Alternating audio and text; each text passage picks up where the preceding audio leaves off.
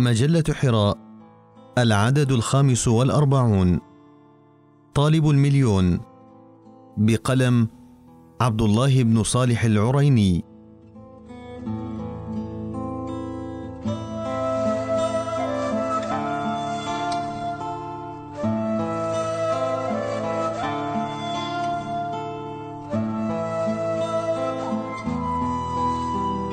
ومن ذا الذي لا يحب المال؟ المعقول. معقول. أما أنت فغارق إلى أذنيك من كثرة ما تتكلم عنه وتفكر فيه ليل نهار. لكنه مهم. في الحياة أشياء مهمة والمال واحد منها فقط. أنا أراه أهمها. فليكن لكن معه أشياء مهمة جديرة أن تهتم بها. في هذه الفترة المال هو كل شيء. المال عصب الحياة المال عافية الأفراد والأمم والشعوب. يبدو أنك تهذي. لست في وعي في كل وقت من الأوقات كما أنا الآن. أحلم باقتناء سياره منزل أثاث جديد. رغبات كثيرة تحتاج إلى المال. هل ألام على حبه بعد ذلك؟ ألست معذورا. حب المال فطرة. لكن الجنون به مرض وبينهما خيط رفيع جدا. أنا واقعي وأنت فيلسوفه أليس من الدعاء المأثور؟ اللهم لا تجعل الدنيا أكبر همنا ولا مبلغ علمنا. ها أنت تعترفين رغما عنك. بماذا؟ بأن المال هو الدنيا. لكنني مع ذلك أدعو الا يكون أكبر همي. ما رأيك اذا بقوله صلى الله عليه وسلم نعم المال الصالح للرجل الصالح؟ سكت برهة ثم أضاف أنا رجل صالح إن شاء الله وأريده لأشياء صالحة. عندك كل خير ولكنك لا تشبع. أعوذ بالله من الشيطان الرجيم وليس من المال الصالح. أعوذ بالله من نفس لا تشبع. مثل هذا الحوار أمر عادي متكرر في أكثر أيام الأسبوع بينه وبين زوجته. وارتفع بعدها الظن إلى درجة اليقين أن زوجها مفتون حقا بالمال إلى درجة المرض. كانت تضع يدها على صدرها كلما تذكرت ما يقول فتخاف أن يكون جنونه به سببا لأن يحصل عليه من طرق محرمة. وكم أنهت حديثها معه بأن يعصم نفسه عن الشراهة المتناهية للمال التي ستسوقه حتما إلى أن يكتسبه بأي طريق حتى لو كان محرما. كانت تقول يا شيخ الله الله فيما تحضره لنا. لا تكن هواجسك التي تعلنها بصوت مسموع سببا أن تغمض عينيك وتأتي بالمال الحرام. المال الحرام لا نريده لا نريده ابدا. ربي أغنانا عنه. نتحمل كل نقص في المعيشة أو اللباس ولكن لا نتحمل أن تنبت أجسامنا من مال حرام. قادرين أن نصبر على الجوع ولكننا لا نستطيع الصبر على النار. وكانت تجهش بالبكاء في نهاية كلامها فيرق لها ويطمئنها. ابدا تأكدي أن كل قرش أتيت به إلى هذا البيت كان حلالا بعرق جبيني. تأكدي أن الكلام شيء والواقع شيء مختلف مختلف تماما. لست بحاجة إلى من يخبرني عن ضرر المال الحرام. أنا أعرف ذلك ولا أريد من يعرفني به. كلمات مطمئنة وهي تعرف أنه لا يكذب لكنها تشعر أنها لا بد أن تنبهه قبل فوات الأوان.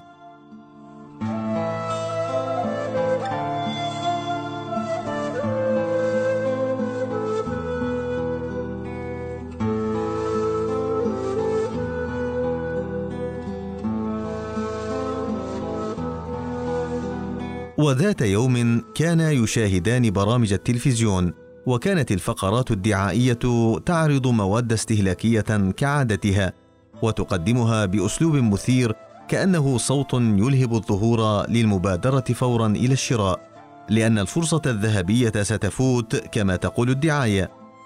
كانا يتابعان الدعايات الجديدة ثم ينصرفان عند تكرار دعاية من الدعايات القديمة. وظهرت دعاية من الدعايات تعلن عن جوائز قيمة الأولى منها مليون ريال. نعم مليون ريال عدا ونقدا. ولكي تكون الإثارة أكثر انهمرت في شاشة التلفزيون آلاف الأوراق النقدية ثم تراصت بشكل بياني بديع لترسم العدد مليون. وفتح فمه من الدهشة وهو يرى هذا المشهد الذي يعده أعظم مشاهد الدنيا جمالا وجلالا وعظمة وروعة صرخ لا شعوريا.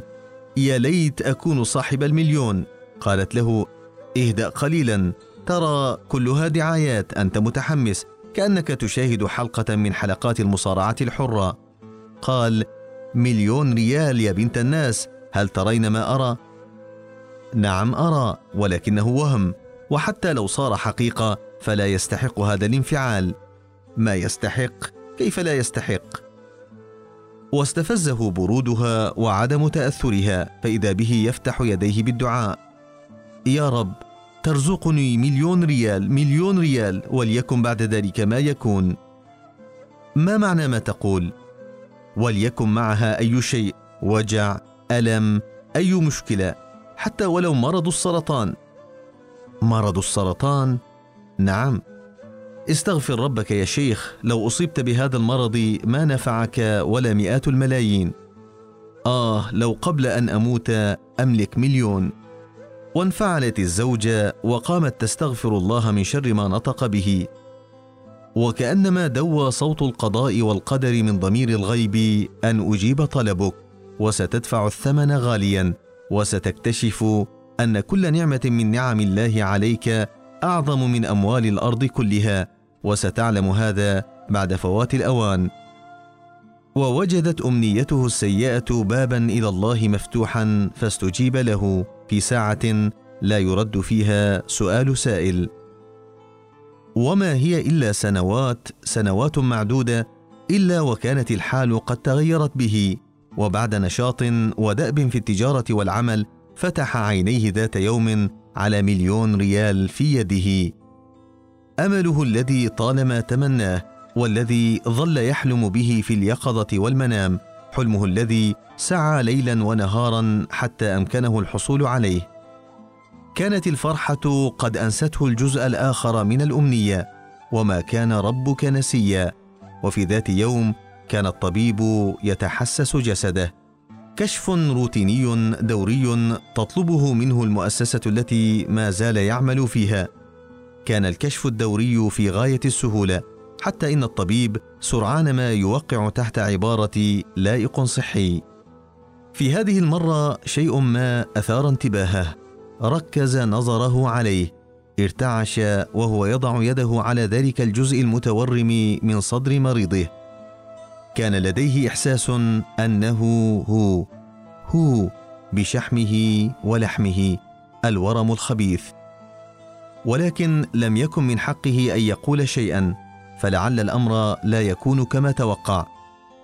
ثم إن الحكم بهذا المرض يحتاج إلى تحليلات أكثر واستشاري أعلى منه. وحتى لو كان كما توقع فلا يجوز أن يبث الرعب في قلب مريضه.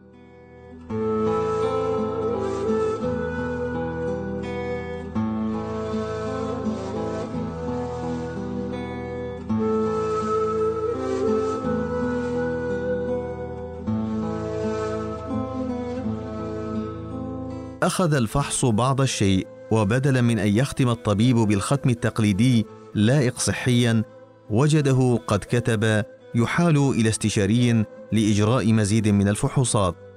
وحاول ألا يدخل في حديث مع مريضه خشية أن يبوح له بما في خاطره ولذا فناول الورقة وهو يقول لو سمحت أدعو المريض الذي بعدك بسرعة.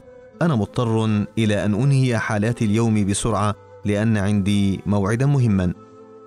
وخرج ويده تحمل الإحالة الطبية والأخرى تتسلل بين ثوبه وملابسه الداخلية يتحسس بها ذلك الموضع.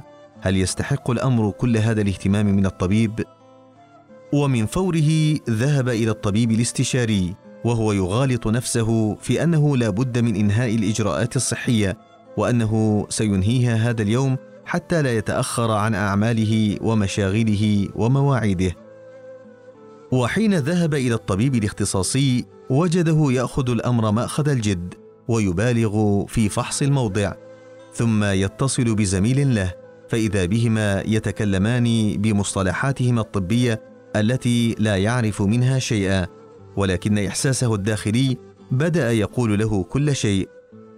قطع خيالاته صوت الطبيب يقول له ستبقى عندنا حتى الساعة الخامسة لإجراء بعض الفحوصات الضرورية اليوم وغدا تأتي لنكمل لك الباقي من الأشعة والتصوير والتحليل. ولكي يطمئنه قال له مهدئا فحوصات ضرورية وإجراء احتياطي لا أكثر. ومضى أكثر من شهر فإذا به يشعر بآلام مبرحة في ذلك الموضع من بدنه. وكأن سكينا حادة تقطع جسمه فيبكي فيبكي ويبكي. المرض يمنعه الراحة والنوم. وتساقط شعر وجهه من الدواء الكيميائي الذي يأخذه في علاجه وأصبح أحد المراجعين الدائمين للمستشفى التخصصي بالرياض. وكان ينزل من قسم الأورام في الطابق الرابع من المستشفى التخصصي بالرياض يتحسس بيده اليمنى موضع الألم في صدره وبنفس تلك اليد يستطيع أن يوقع على شيك بمليون ريال. ومع أن دعوته بالحصول على المليون قد تحققت إلا أنه كان في داخل نفسه يعيش أشد حالات الندم.